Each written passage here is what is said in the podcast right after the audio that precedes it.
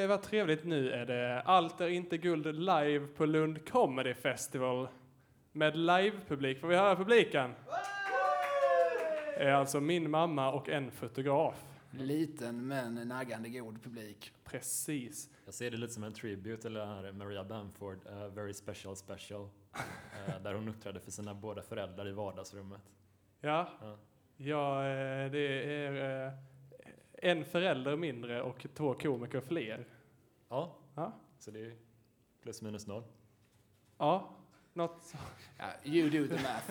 Då eh, tar vi vignetten.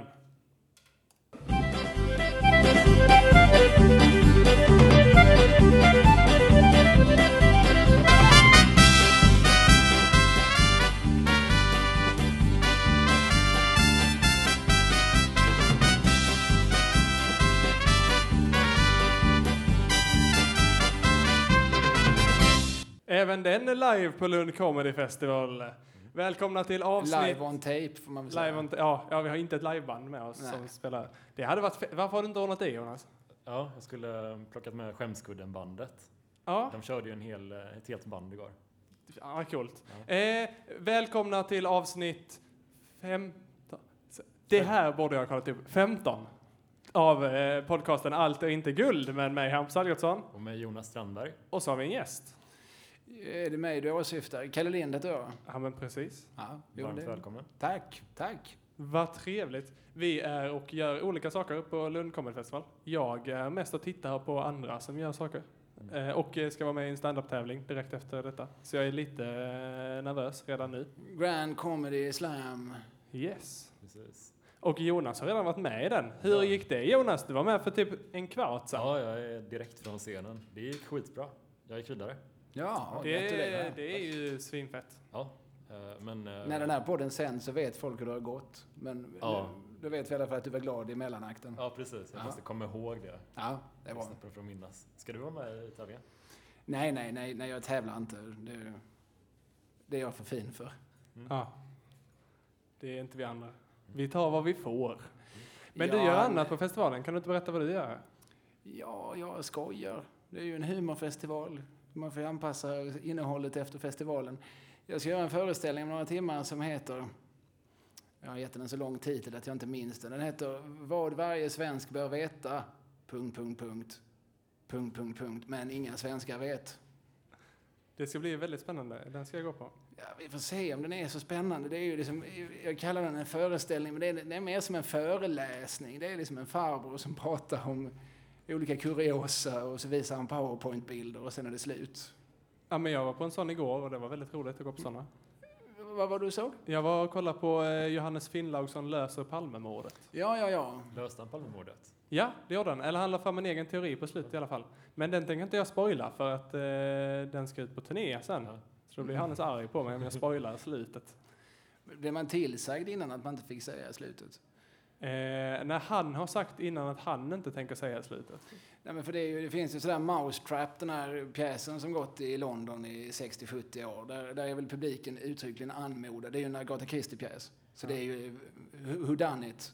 Och, och eh, i många år så var den där tämligen välbevarad. Jag tror också när Psycho gick, eller när den började gå på biografer då, 60, den har ju också en sån här berömd twist i slutet. Eh, så blev också publiken uttryckligen, jag trodde man skyltar, alltså, eh, vänligen berätta inte slutet för någon när ni går ut. Men, men det är kul att du tar upp en Agatha Christie-pjäs med tanke på att hans lösning på mordet kallas för Agatha Christie-teorin. Mm, Jaha. Det är det den slutar Att i. man samlar alla i salongen och sen så var det butlern som gjorde det. Det är alltid butlern.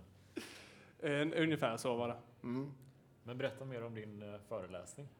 Ja, men jag har skrivit en bok som heter Sverige för idioter, som alltså är en, till formen en, en lärobok. Och så är det då olika, ja det är ju olika fakta egentligen. Det är, återigen, det är, det är ju en lärobok fast förhoppningsvis något lite festligare än de läroböcker jag själv har haft. Eh, Men det är ju i princip det är ju liksom mer fakta än skämt egentligen, men, men eh, förhoppningen är att det är lite, lite lustiga fakta. Saker som man kanske inte vet och som är roliga i sig. Och sen så försöker jag kanske då att spetsa till det genom att uttrycka mig lite drastiskt, göra någon oväntad jämförelse med någonting annat eller sådär. Ja. Och eh, utifrån den boken så gjorde jag en, eh, ett showmanus då, eller ett, ett föreläsningsmanus.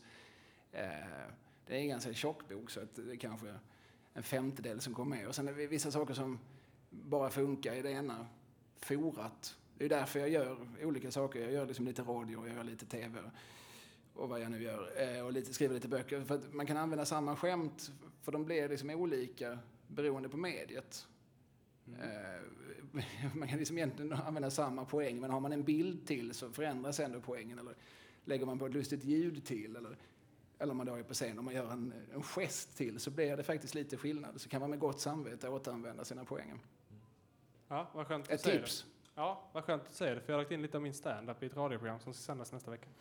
Ja, jag minns alltså, första gången när jag började radio, humorradio sådär 2002, att vi var väldigt skeptiska till om vi skulle ta med en, en sketch som vi en, hade spelat en gång. Eh, och dessutom hade några planer på att, på att, på att uh, sända igen. Men tänk om det var någon som var på den föreställningen, någon av de hundra som var på den föreställningen som råkade höra det i radioprogrammet. Vad pinsamt att de hör att vi återanvänder grejer. Ja. Men eh, som sagt, det är 12 år sedan. Jag har en annan syn på, på återanvändning nu. Var det inte så när man släppte en eh, vinylsingel förut, liksom, att man inte inkluderade, inkluderade den på albumet för att då skulle publiken köpa samma musik två gånger? Så var det ju. Beatles singlar, Penny Lane och eh, vad heter den andra, Strawberry Fields Forever, ligger, ligger ju inte på Sgt. Pepper-plattan mm. som kom några månader senare, mm. till exempel. Eh, och vissa band, Imperiet som jag lyssnade på som, som ung, Thåström, du ser helt död ut i blicken. Nej. Men det, det var jättestort på ja. 80-talet. Det var bra. Ja, då var det bra. Ja. Eh, men de, de, deras singlar kom inte med på LPn till exempel. Nej. Så den traditionen levde åtminstone i vissa, mm. vissa delar av musikindustrin vidare. Mm. Jag var så en annan föreställning med dig igår också. Med mig? Ja. ja, ja. Då vet jag nästan vilken det måste ha varit. För jag var bara med i en. Ja, det är en vän till mig som heter Kristoffer Krisse Jonsson. Som eh, han gjorde en 100 års hits heter den. Och så spelar han, han är ju musiker i första hand egentligen och skojar i tredje hand för att i mellanhand är han nog bara liksom allmän underhållare. Så han är lite quizmaster och sånt, lite konferencier och så. Ja. Eh, så att han har satt ihop en föreställning som väl mest är han och sen så ville han att jag skulle komma in och, och återigen föreläsa lite om eh, vissa specifika artister som han anade att jag hade mer att säga om än han. Mm. Vilket väl var Cornelis då och... Dr Bombay. Dr Bombay, ja det var väl... Det var väl mer oväntat. Ibland måste man utmana sig själv. Och sen, ja, sen kommer jag inte ihåg, vad var det Jo, Edvard Persson också. Just det. jag, jag har ju en gammal mans referenser. Ja. Mm. Ja, men det var en väldigt eh, mysig föreställning för det var så himla... Eh, det, var, det kändes så himla folkligt. Det var så himla mycket så här eh, medelålders människor som hade tagit på sig skjorta som de hade stoppat ner i byxorna och eh, gick och kollade på en eh, föreställning tillsammans med sin, eh, sin eh, eh, fru och make. Ja, det, det, där, jag, jag, gillar också föreställningen. Jag blir väldigt medryckt av den. Det är väldigt svängigt. Mm. Alltså, de spelar ju musik och de, spelar, de, de är bra musiker men samtidigt så är det lite, lite ruffa arrangemang och sådär. Så det, det, känns väldigt liksom... Eh, nu tar, alltså så här, när man griper någonting i luften och så här, den är liksom upplagd också för att vara, ha liksom en improvisatorisk karaktär. Och sådär. Mm. Det, det påstås att det dras en slumpgenerator som väljer artisterna. Den kanske... Det, det, det, kanske var planterat, det vet ja, jag inte. De, de råkade ju visa eh, den här bilden som skulle komma upp när man drog i den eh, precis innan showen började också. Ja, ja, ja det missade jag. Så, så, så den kändes inte så... Okej, okej. Och sen var de tvungna att starta om Powerpoint bara för att de låg på fel ställe då. Så att den kom ja, ja. Okej, okay, ja, men så de liksom avslöjar skämtet innan föreställningen. Ja, det, det är ju dåligt rent dramaturgiskt. Ja. Jo, men anledningen att det sitter många äldre i publiken, det kan ju vara, det kan finnas, finnas många anledningar, men, men en eh, kan ju vara att, att jag sedan ett par år tillbaka gör eh, morgonradio i P4. Mm. Tre, fyra dagar i veckan så står jag på morgnarna och liksom säger God morgon Skåne, idag är det halt på vägarna. Jag säger inte så, men det är lite, lite grann den andan. Det, idag ska vi prata om spiddekaga. Eh, skicka in era bästa spiddekagerecept.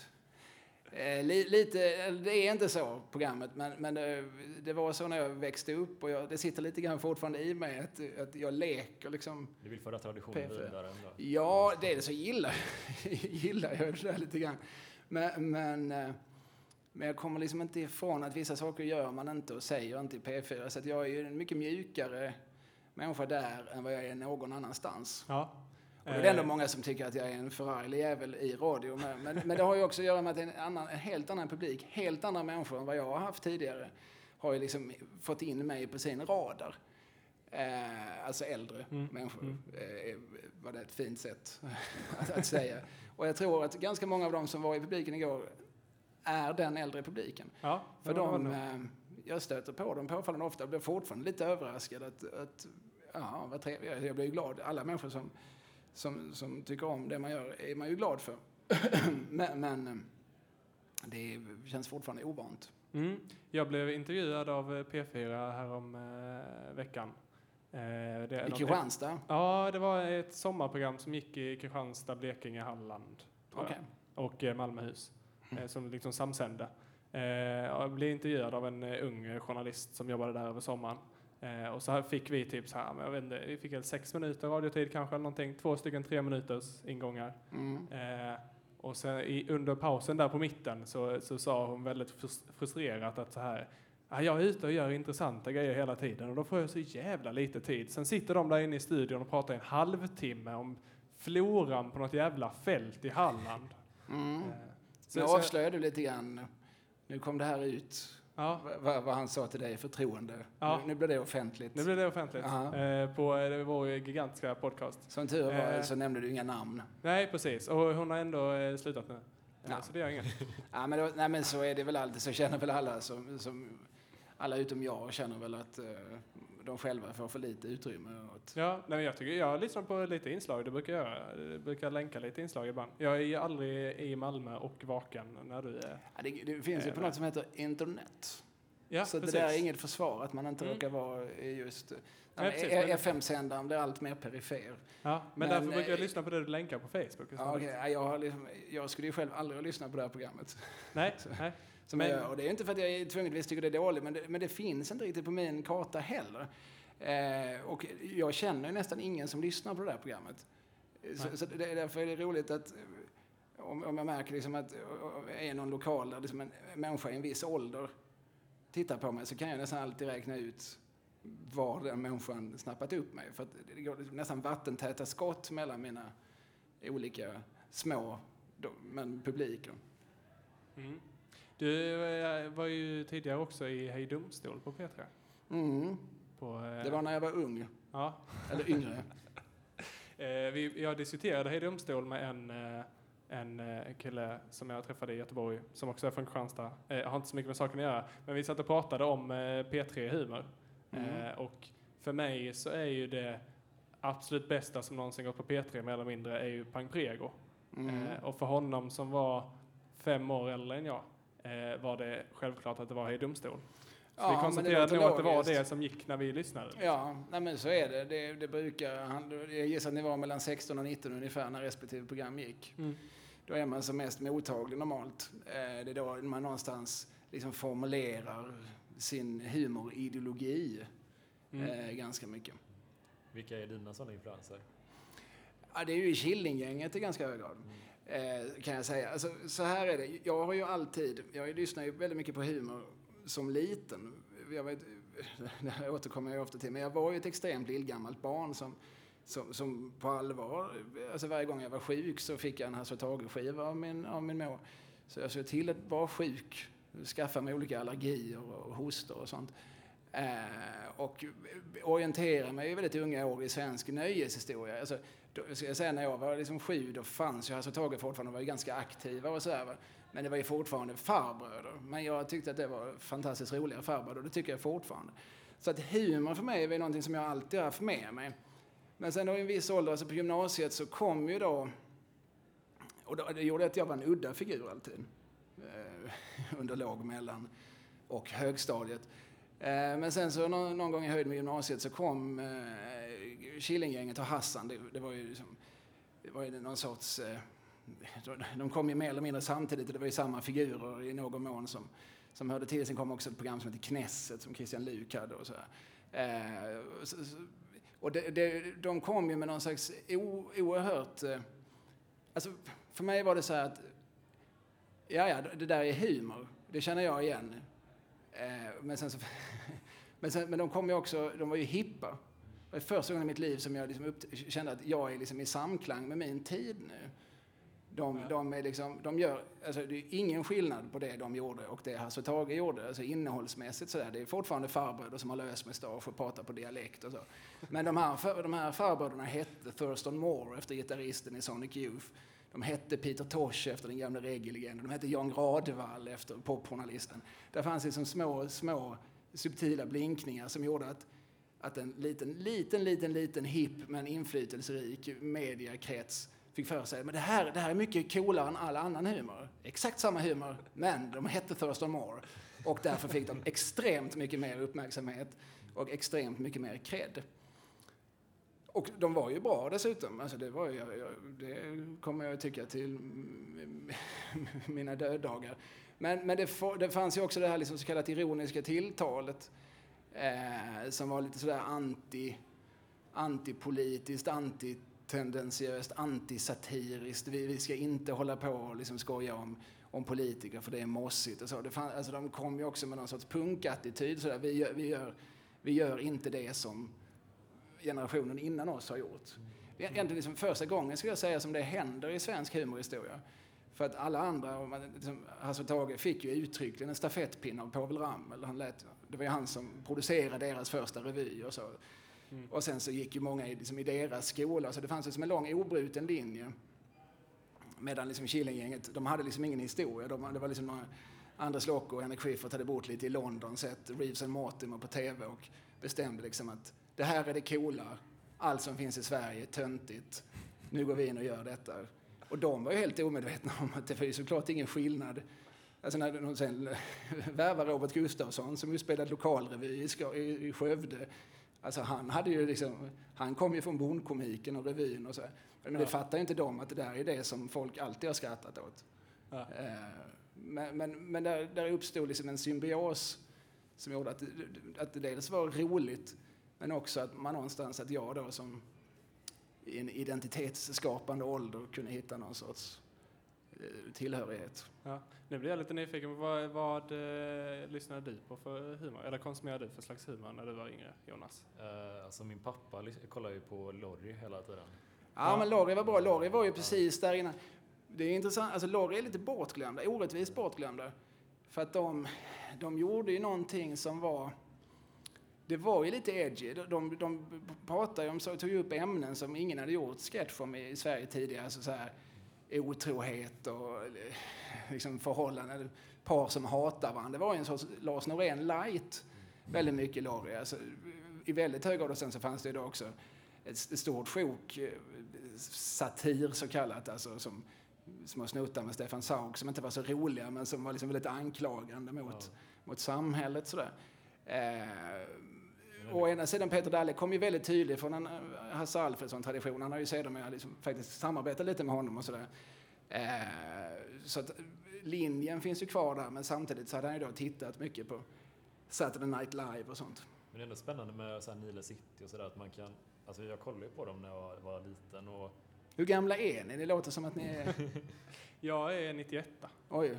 88. Ja, ja. Då är du närmare min son i ålder än mig. ja, kan stämma. Ja. Eh, själv eh, var jag ett Galenskapar-fan när jag var liten, vill jag minnas. Nu sitter mamma i publiken och nickar, så då har jag, jag ihåg rätt. Ja. Eh, så jag var inte riktigt också lite orättvist eh, utskälld. Alltså de, de, har gjort, de har många plumpar i sitt protokoll för de, de har liksom inte riktigt alltid koll på det där med tempo och sånt. Men, men, men eh, det är väldigt inspirerat väldigt mycket av det som de gjorde framförallt slutet på 80 början av 90-talet. Det finns, finns en, förlåt jag håller på att avbryta hela tiden, men jag är så engagerad av det här ämnet. Det finns en fruktansvärt bra bok som eh, Galenskaparnas scenograf Rolf Allan Håkansson har, har gjort. Om, om, han har varit med sedan första revyn, Skruven är lös, eh, där han liksom visar hur de har tänkt genom varje revy, genom varje film. Den är oerhört intressant, alltså, för det, det, som, dels är det väldigt kreativt och man blir väldigt inspirerad av den. Men, men det finns också, en, redan från början hos Claes Eriksson, som ju är hjärnan bakom gasgänget, en, en, eh, sån här attityd att allting är möjligt. De gjorde liksom på Lorensbergsteatern i Göteborg gjorde de den här musikalen Stinsen brinner. Och de har ett stort jävla lok. De har ett riktigt lok som kom in i slutet av föreställningen. De hade skenor som låg utlagda på publikgolvet. Det måste ha varit en fruktansvärd, fruktansvärd effekt för de som var och tittade på det. Och allt sånt, liksom, dels så fanns det i Claes Erikssons huvud och sen så, med den här Rolf Allans hjälp så, så förverkligar han de här visionerna. Ja. Eh, det tycker jag inte det pratas så mycket om. Det pratas mer om att de kanske inte är så bra skådisar och de kanske börjar bli lite tunnhåriga och de kanske börjar bli lite trötta. Men, men Ja. de har gjort saker som har varit väldigt visionära. Mm, verkligen. Sen, jag, jag känner ofta det när jag kollar på det som jag tyckte om innan.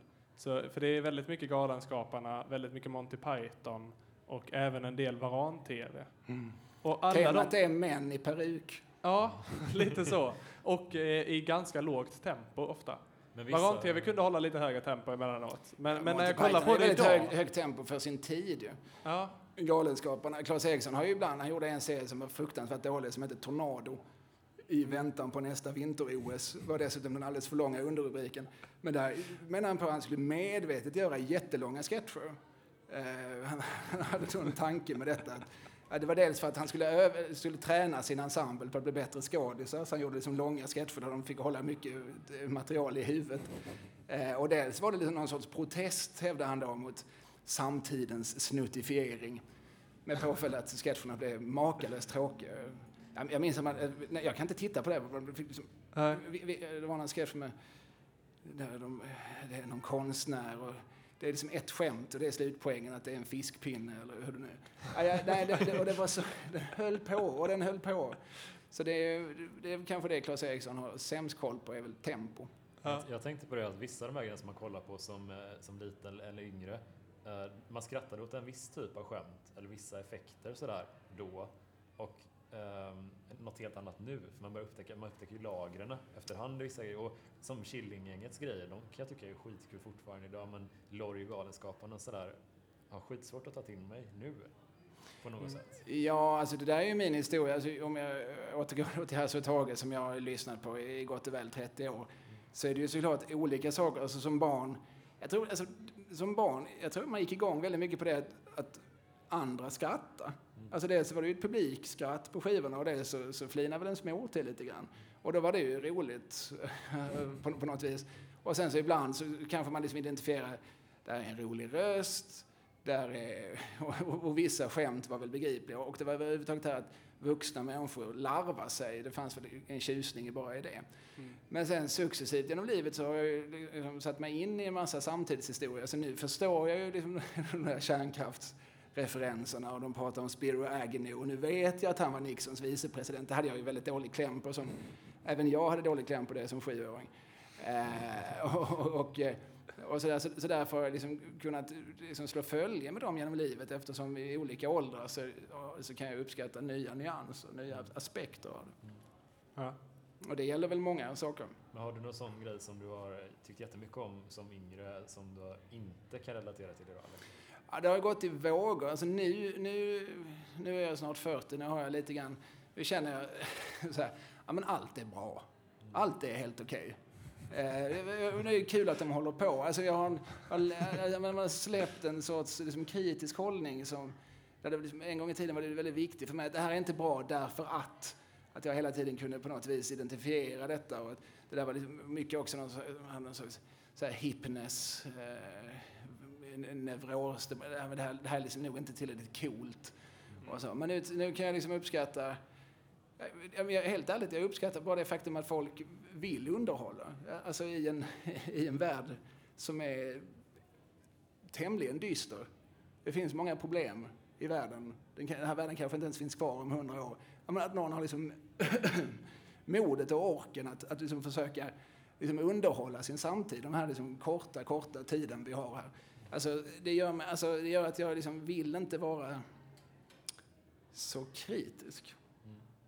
Men det innebär inte att jag tycker allting är fantastiskt för det. Men, men, eh, men sen så, som svar på din fråga, jag gillar ju en massa saker så som tonåring. Då var jag liksom, kanske lite mer lite pretentiös. Då gillade jag mycket, eh, återigen Imperiet då, som var ett så väldigt 80-tals rockband som skrev liksom, Östens röda ros. Och så här, det var liksom ganska pretentiösa texter. Det, det var jag ju tvungen att några år senare i mitt liv göra upp med och tänka att usch, usch vad allt sånt allt sånt där med ambitioner, usch vad det är dåligt.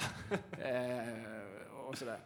Men eh, liksom ytterligare ett stadium i livet senare så eh, kan jag återigen uppskatta det. Mm. För, nu för att du har ambitioner. Men vad tänker ni är de största skillnaderna mellan hur musik åldras och hur humor till exempel åldras? Musik eller film eller? Jag tycker inte musik åldras. Alltså, för mig gör den inte det. Jag, jag, jag satt och lyssnade på Bob Dylan igår, en gubbe som var som bäst tio år innan jag föddes. Och jag tycker att det är, är, är briljant och, och, jag tycker det känns alltså väldigt, väldigt modernt och väldigt självklart nu. Det känns inte som att jag är på ett musikmuseum när jag lyssnar på det. Humor åldras ju av flera skäl. Alltså det har ju ganska mycket med detta att göra att det som var nyskapande en gång har ju sen upprepats. Mm. Så att när jag liksom ser åh, en man med peruk, det, var, det måste ha varit helt revolutionerande första gången det gjordes.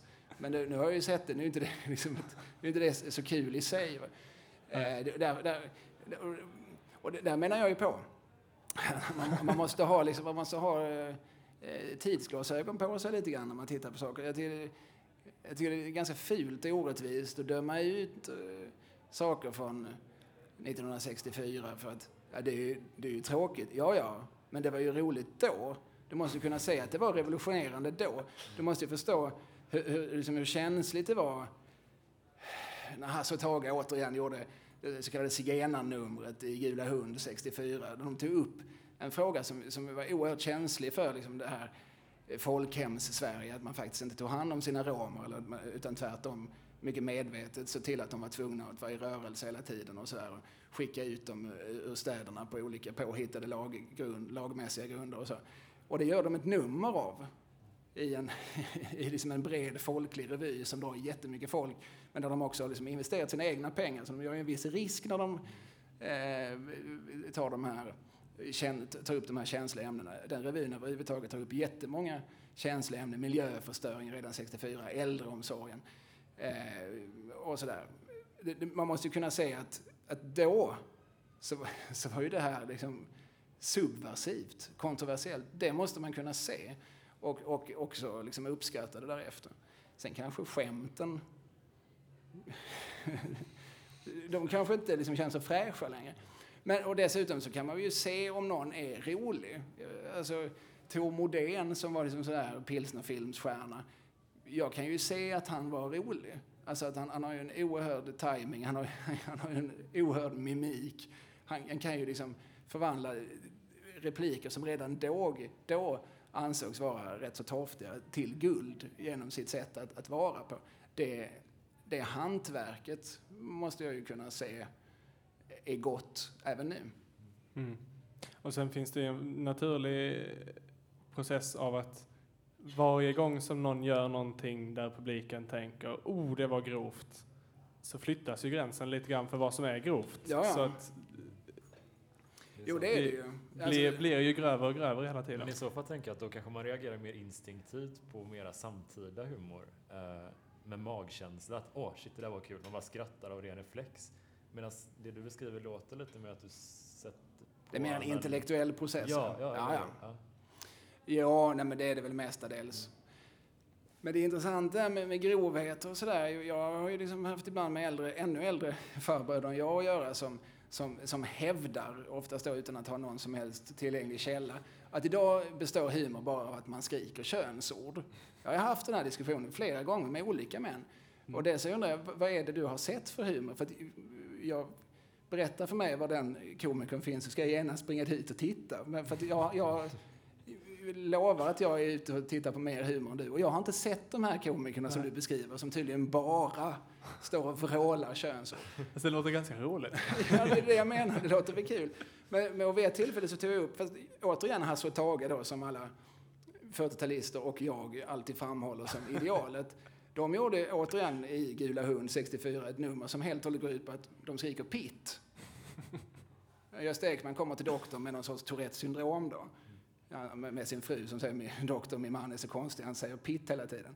Och numret mynnar ut i att de får hela publiken på Kinateatern att, att ropa pitt. Vilket såklart var oerhört kontroversiellt 64 återigen. Också väldigt roligt. När det, när det gick på TV 66 så stängde min farmor demonstrativt av TVn och gick därifrån och sen fick det aldrig mer nämnas. Det var så oerhört kontroversiellt. Men det vill den här gubben då, som jag diskuterar med, han vill inte gå med på det. Nej, pitt, det var inget känsligt ord då. Ja, fast då finns det väl ingen som helst poäng med den sketchen om inte ordet hade någon, någon form av tabu kring sig. Eh, så det, går- alltså, det är en man som redan har bestämt sig för, han är inte mottaglig för argument då. Eh, Men det för var det- humor har ju alltid ganska mycket handlat om tabusprängande. Det är ju ingenting nytt för den här generationen. Nej. Och det borde ju i sin tur då leda till att eh, eh, ord som kuk kommer att bli eh, socialt accepterade medan vi måste komma på nya ord för könsorgan som blir de som är... Eh, Ja, så är det väl redan. Alltså, idag använder man könsord som svordomar mycket mer än vad man gjorde för mm. 10, 15, 20 år sedan. För man har behövt förgrova svordomarna eftersom jävla i princip är dagisspråk. Så får man liksom dra till med liksom kuken också. Och det gjorde man inte för 20-30 år sedan alls på Nej. samma sätt. Så det, det, ja visst, det är Men klart då att det måste det komma nya svordomar snart, för snart så har, har vi in dem i språket också. Ja, men det, men det gör det hela tiden. Ja. Språket revitaliseras eh, gång på gång. Ja, ja, du kan vara lugn på den fronten. Det kommer nya svordomar. Ja, bra. Och och nya könsord. De ser jag fram emot. Ja, jag med faktiskt. De, brukar, de kan vara ganska inspirerade. Mm. Eh, du har förberett lite ämnen att prata om, kanske. Ja, på sätt och vis. Ty- Tycker ni, ja, mm.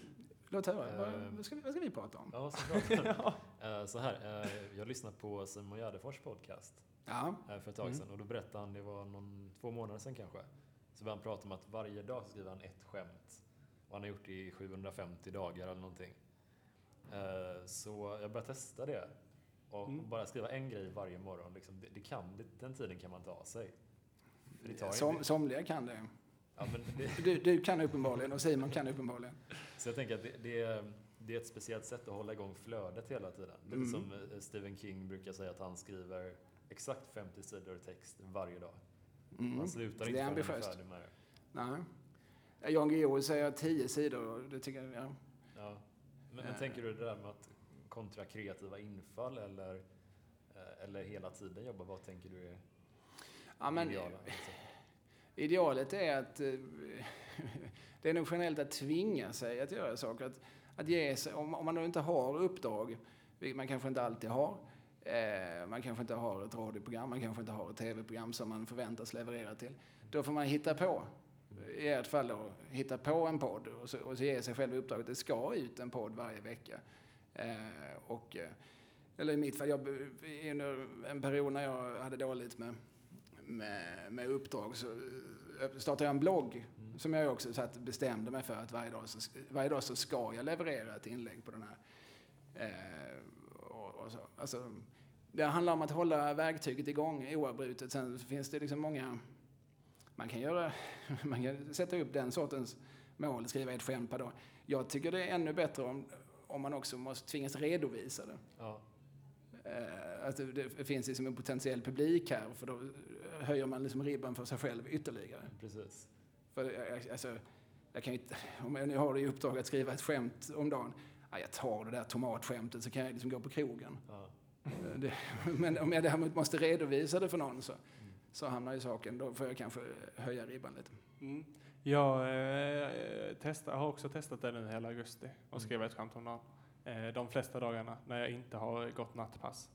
Eh, för då eh, fungerar inte jag riktigt så bra. Mm. Eh, men, eh, men jag kan konstatera att ungefär var sjunde dag kommer det någonting eh, vettigt ur den Ja.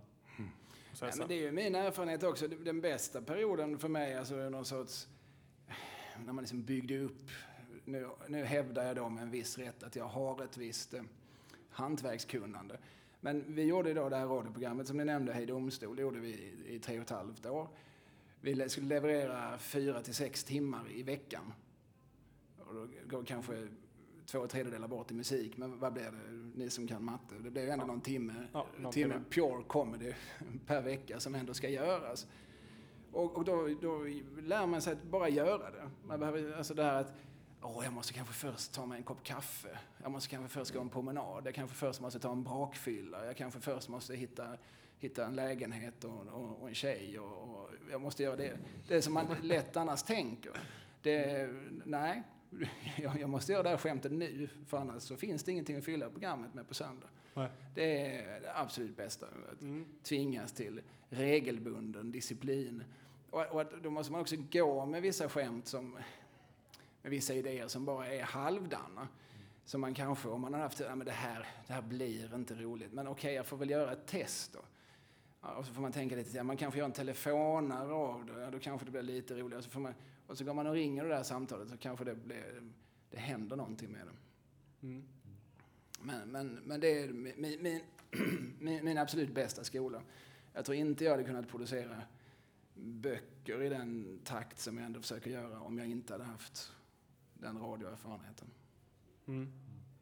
Vi hade tog en vecka till att skriva, jag och en kompis, eh, när vi, som sänds nästa vecka, faktiskt på lördag nästa vecka är det premiär för ett eh, i Humorhimlen Lab i P3. Mm, mm, mm. eh, som jag och en eh, kompis har skrivit. Och det är 52 minuter, 50 minuter, något sånt, eh, i två avsnitt. Alltså totala radiotiden. Eh, det är lördagskvällar så då är det drygt hälften musik.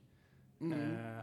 Och då, eh, vi bor i olika städer och eh, ses inte så jätteofta, vi som skulle göra det tillsammans. Så då flyttade han hem till mig en vecka och sen satt vi bara och skrev och skrev och skrev Mm. eh, när jag var ledig från jobbet. Eh, Det låter som en bra plan. Ja, jag eh, har aldrig producerat så många bra punchlines på så kort tid innan. Nej, men och det är också såklart en bra grej att vara, vara flera. Mm. Där Ja, man hela, hela tiden... Alltså, för mig, vad som också var förlösande för mig då återigen med den här radiotiden, det var att för jag har aldrig, aldrig tillhört några andra sammanhang. Jag har aldrig varit lundaspexare, jag har aldrig varit med i några, jag var med i någon teaterförening kanske som på högstadiet, gymnasiet eller så här, i kommunala musikskolans regi. Men då spelar vi ju mest, antingen spelar vi sketcher som Glans hade skrivit, för vi var med i samma eh, grupp, eller så, så var det liksom Shakespeare eller vad, vad, det nu var. Men, men nej, jag, efter det har jag aldrig liksom tillhört några kotterier och sådär. Många, många av mina kollegor har ju till exempel någon sorts erfarenhet av spexvärlden. Det behöver inte vara Lundaspexarna som sådana, men studentvärlden, Radio AF som finns här i Lund och, och, och sådär där man liksom, eh, har liksom byggt upp ett nätverk av människor och liksom hittat fram till, till, till själsfränder. Jag hittade då de här eh, som, som jag gjorde eh, det här radioprogrammet med. Vi hade en liten sketchgrupp och så. Och det var liksom första gången jag kände Alltså vi byggde upp ett sorts förtroende för varandra. För det krävs också så här, vi hade alltså möten varje tisdag morgon. Och man måste liksom få vara dålig. Man måste liksom få, eh, okej vad har vi för roligt på det här? Och så måste man liksom bara låta truten gå och spruta ur sig dåliga idéer. Eh, man måste ha liksom ett tillåtande klimat och det är väldigt viktigt att de andra inte säger nej det är dåligt, det där kan vi inte göra, det där har någon annan redan gjort. Att man, att man istället då liksom säger ja, jo fast det är någonting på spåren om man gör så här istället. Alltså man, det handlar, handlar väldigt mycket om att ha liksom ett förtroende för varandra. Humor kan ju vara ganska känsligt. Alltså det finns ju ingenting som är känsligare egentligen. Alltså någon som på, utger sig för att vara rolig och inte är det. Mm. Han misslyckas ju med sitt uppdrag eller med sin föresats. Ja, det är också så himla skönt när man, när man bara slänger sig ur någonting som de andra som man sitter med visar sig tycka var jätteroligt. Ja, man får ju också omedelbar respons Ja, precis. på varje idé. Ibland jag- kan man liksom komma på idéer själv som man bara kasserar. Det är ingen slump att det finns så många humorgrupper och humorduos. Det är ju för, Mm. att, för att man faktiskt, alltså, summan av delarna är större än summan av delarna. Nej, hur säger man? Men jag tycker det är så otroligt jobbigt Ett plus ett är tre, ja. om man har så här förberett en massa nya skämt som man skrivit och ska testa dem samma kväll på någon klubb. Mm. Eh, och så sitter man och pratar lite innan med några kompisar eller andra komiker och ja men vad har du för nya grejer då? Kan du köra dem nu?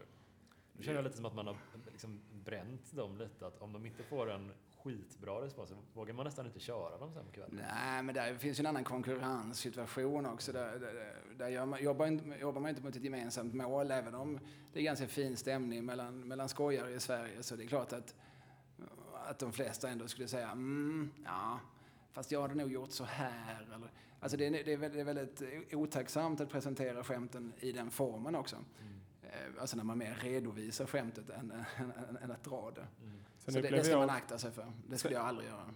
Nej, sen jag började med stand-up så upplever jag också att jag eh, eh, skrattar så himla mycket mindre åt just stand-up. För att man går på så otroligt mycket stand-up. Glädjen sugs ur dig. Ja, Ja, men lite så. man- men man, man har redan sett så himla, himla, himla mycket när man är på två stand-up-kvällar i veckan. Liksom. Mm. Jag tror Povel Ramel använde uttrycket sönderunderhållen. Han, han, var det programledare. Han hade sett det mesta. Liksom. Han, han, han kunde uppskatta det med, med, med, med hjärtat men kanske inte med, med skrattmusklerna. Det, det, Ja. det, så, nej, men man blev såklart, det är väl klart att det händer. Att man, ja, men jag har sett någonting liknande. Det var bra men jag har, liksom, jag har någonstans sett något i ungefär samma härad. Mm.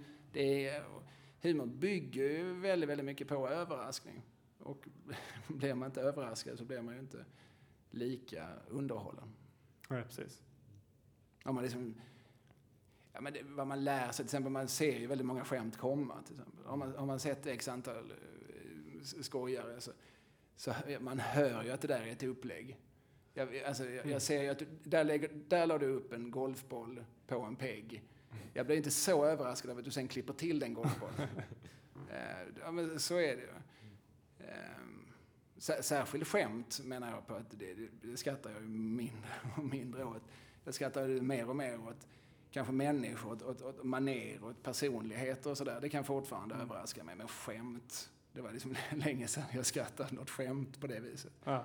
Ett sånt skrivet skämt som någon har suttit liksom och slipat till med liksom perfekta smashen och det perfekta upplägget. Så, nej. Hur känner du att det påverkar ditt eget skrivande?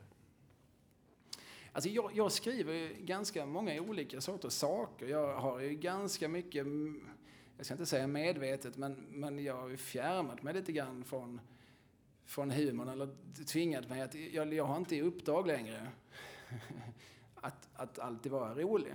Mina fasta uppdrag, till exempel, jag skriver en krönika i, i en tidning som heter City. Eh, den kan ju vara rolig om jag har ett skämt, men jag kan ju också liksom leta upp en annan spaning. Jag kanske har en åsikt som jag kanske inte måste göra, göra till ett skämt.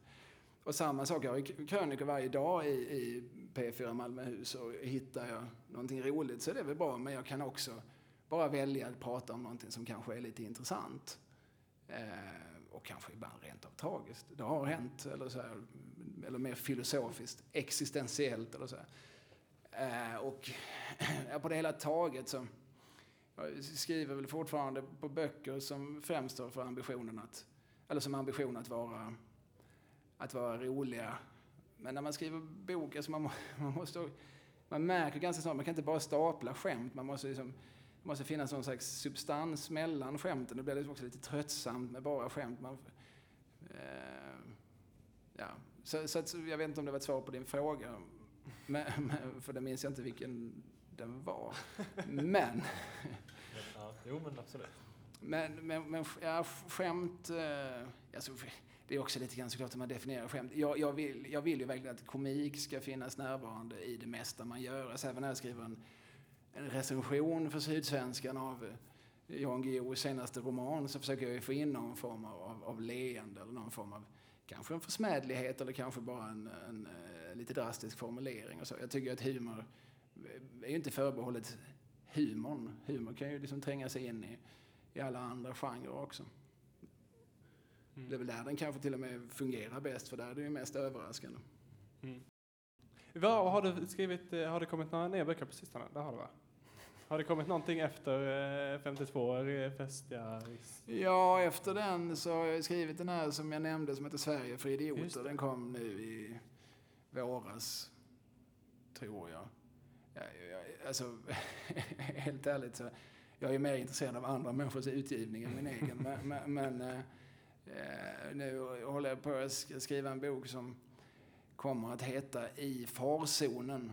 Eh, Så den kommer att handla, jag har ju en massa barn. Eh, Jag tänkte att jag har skrivit så mycket om andra människor. Om, alltså för mina böcker utgår ju mycket från olika små anekdoter eller spaningar som jag har snappat upp från ja, främst då svenskt nöjes-, underhållnings och eh, kulturliv eh, från 1945 till nu ungefär. Men det, det är ofta det som är råmaterialet till de flesta böcker jag har skrivit. Eh, så jag tänkte jag skulle kanske liksom utgå från mig själv, lägga mig själv i potten. Inte bara göra mig lustig över andra utan sätta lång näsa på mig själv. Mm. Så det är det jag... jag har inte riktigt börjat. Jag ska vara färdig i december men jag har lite annat. Jag har ju någon show här nu som ska göras. och så. Ja, ja. Men jag tänker att den skriver väl sig själv om man bara... Men efter du har kört eh, den här, kommer du ta vidare den eh, så? Eller? Nej, alltså jag... jag alltså det här med att stå på scen, det är väldigt sekundärt för mig. Jag tycker det är rätt så plågsamt. Jag har lite för många, för många neuroser och demoner att kämpa med för, för att eh, vara helt bekväm med det. Eh, att skriva är väldigt eh, onevrotiskt, det är väldigt, eh, det är väldigt lätt, det är väldigt lustfyllt. Att stå på scen ger inte mig riktigt, det ger mig inte riktigt kick, kickar på det sättet. Jag gör det om någon ber mig. Jag är ju frilansare i kulturbranschen så att då måste man ha som princip att alltid tacka ja. Eh, men eh, jag gör det inte, jag gör det inte alltid med, med, med glädje. Jag tycker ofta det är, det, är ganska, det är roligt att skriva föreställningar. Det är oerhört roligt. Och liksom mm, leka fram dem vid, vid sitt skrivbord. Men sen att behöva liksom stå bland folk och repetera, och repetera är det absolut, absolut tradigaste som finns överhuvudtaget. Eh, och särskilt, så skriver man alltid in saker som man vet att det där kan bli lite kul. Men som kräver lite repetitioner, som kräver lite förberedelse. Att då måste jag fixa en grej. Jag måste cykla iväg till någon butik och köpa en sak. Alltså allt sånt här tycker jag då bara är betungande. Ja. Eh, så, så att, nej, men scen är väl det, det som står, av de saker jag gör står det nog längst ner på, på min lista. Om någon ber mig att komma med den här föreställningen någonstans så gör jag ju det. Mm. Men eh, just den här föreställningen kräver ju en powerpoint. Så det är nästan lättare för mig att, eh, om någon ber mig att komma någonstans, eh, att, säga, att göra någonting annat. Jag har liksom några andra liksom ståuppskämt liggande som jag kan slå in istället. Eh, då blir det bökigt. Så här ska man hitta en laserkanon och en sladd och en dyk. Ja, ni hör ju själva liksom hur jobbigt detta är. ja, jag tror att du ligger närmare Jonas än mig på den eh, punkten. För jag älskar att stå på scen. Ja, men jag känner mig verkligen igen när du berättar. Jag skriver jättemycket grejer och tycker det är mycket roligare än att köra live faktiskt. För det är, så, jag tycker det är rätt obe, obehagligt oftast. Ja, ja nej, men obehagligt är nog ordet, verkligen. Nej, men, och det är det ju också, alltså folk som inte sysslar med detta, de tycker att det är det konstigaste man kan göra egentligen. Att frivilligt ställa sig liksom helt ensam, alltså, särskilt när man pratar ståuppkomik, ställa sig helt ensam vid en mikrofon. Man har liksom ingenting att dölja sig bakom, man har ingen mask, man har ingen peruk, man har ingen rolig röst. Man har bara liksom sig själv någonstans och liksom de här skämten som man har suttit hemma och skrivit och som nu ska testas inför andra helt okända människor. Det är ju det enda man har. Det är ju såklart extremt naket eh, att göra.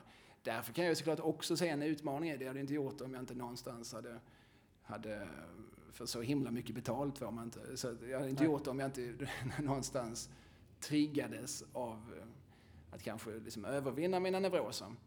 Men eh, ja, när, jag, när folk frågar hur kan du göra det så svarar jag ofta, ja, jag vet inte. Jag, jag, Men vill man se jag det vill, så jobba, jag, jag vill inte jobba på Försäkringskassan så då får jag göra detta. ja. Vill man se dig eh, göra det så kan man komma till Kristianstad den första oktober.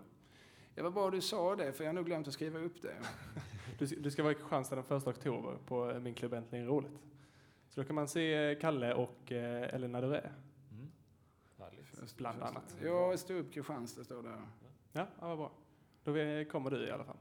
Då vet vi en person som kommer. Och jag kommer också, då är vi två. Grymt. Ja, Och mamma kommer säger hon från Ja, publiken också. Så det så att, eh, nu har vi snart en full lokal. Ja. Nu får vi snart börja sätta upp en stoppskylt. Vad heter det? Spärr utanför. Eh, ja, har vi något annat vi vill eh, göra reklam för så här på slutet? Eh, ja, jag ska till Hässleholm den 9 september. Nästa vecka? Ja, Nästa, och, nästa vecka? och till Gävle den 17 tror jag det är. Ja, fett. Och hälsa på kompisar, eller har du något Det uppdrag? det är stand-up Aha, det är... Aha, eh, på Snack och Gasta. Mm. Det blir kul. Jag, eh, ja men Ja, har... du se Gävle också. Precis. Det blir kul för dig. Inte bara för publiken, även för dig. Ja, eller hur? Ja, och vi kommer även ha en standup-kväll i Kristianstad den 2 september, alltså nu på tisdag. Jag vet inte om den här podden kanske släpps på eh, måndag för då är jag ledig. Eh, så det kan man också gå på. Mm. Och själv ståuppar jag också. Bra, då vet alla. Någon, Jag Man kan eh, få veta det på, man kan få veta det på Twitter säger vi, för jag har absolut ingen som helst aning om var jag ståuppar. okej. Ja. Vad, vad heter du på Twitter? Man med skägg, man med skägg. Grymt. Min, min, min blogg heter så, så att Mm. det är för att jag har skägg. Ja. Jag tycker om titlar som eh, motsvarar innehållet. Ja. Jag har skrivit en bok kanske som heter Proggiga barnböcker. Den handlar om proggiga barnböcker. Det är som ingen, man ska inte behöva fundera på, men varför heter boken så här? Jag har skrivit en bok som heter Människor det varit synd om. Det handlar om människor det varit synd om. 52 festliga riksdagsledamöter. Den handlar om 52 festliga Ja. riksdags- Det är liksom... Jag blir lite sugen på att göra någonting som ska heta 1,94 nu. För att jag är M94? 1,94. Du är 1,94 lång. Ja. Ja, precis. Då kommer den att handla om... Men det är inte lika självklart. att kommer den att handla Nej. om, om siffrorna 1,94 eller kommer den att handla om dig eller kommer den att handla om längd? Även 1,94 Till- 1,94 till- meter lång. Det var en lite för tolkningsbar titel för mig. Ah, okej. Ja. Lämnar för mycket åt fantasin. Ja. Eh, vi kör, läs även eh, blandfärs, vill jag säga. Ja, För det tycker jag är en väldigt eh, bra Roligt att du tog upp den, för just de, jag har skrivit två böcker ihop med Kringland Svensson som heter Blandfärs och Smutstvätt. Just de titlarna är kanske lite, inte lika tydligt vad de böckerna handlar om. De handlar ju i och för sig om blandfärs respektive smutstvätt. Men, Jag har inte men, läst Smutsvett än, men, men Ja, den, är, den är ju eh, bättre än blandfärs, eh, säger jag helt objektivt. Ja. Det finns, eh, ja, men vi slog ner lite på tempot, det finns lite mer, lite finare karaktärsteckningar och, och sen är det kanske en ännu, ännu knasigare handling. Ja, ja, jag ska se till att läsa den. Jag gör det, jag förstår inte Ja. vad som hindrar dig. Jag förstår Ja. inte varför du inte redan gör det. Ja, men jag Jag spelar in inte varför du inte sitter med boken i handen nu. Ja, men jag ska uppträda om en och en halv timme. Eh, Det är ingen ursäkt. Nej, det var en Det är jättedålig kanske en ursäkt, förklaring, men det är, men det är, men det är ingen, ingen ursäkt. Eh, Okej, men då säger jag att det är för att jag spelar in podd just nu. Mm. Eh, Så fort vi stänger av eh, inspelningen så ska jag springa, titta ut genom fönstren och leta efter en bokaffär, men jag såg ingen. Ligger en, mamma pekar eh, bort Fin- här. fin- Finns på Adlibris och Bokus. Ja, där ligger en eh, akademibokhandel. Ja, precis. Ja. Så då Bra. vet du vart du ska. Ja, då, eh, då eh, tackar vi för oss och så går vi till eh, akademibokhandeln då. Tack så mycket. Tack så mycket Tack. Kalle Lind och Tack. tack, Jonas Strandberg och tack mig. Tack, tack.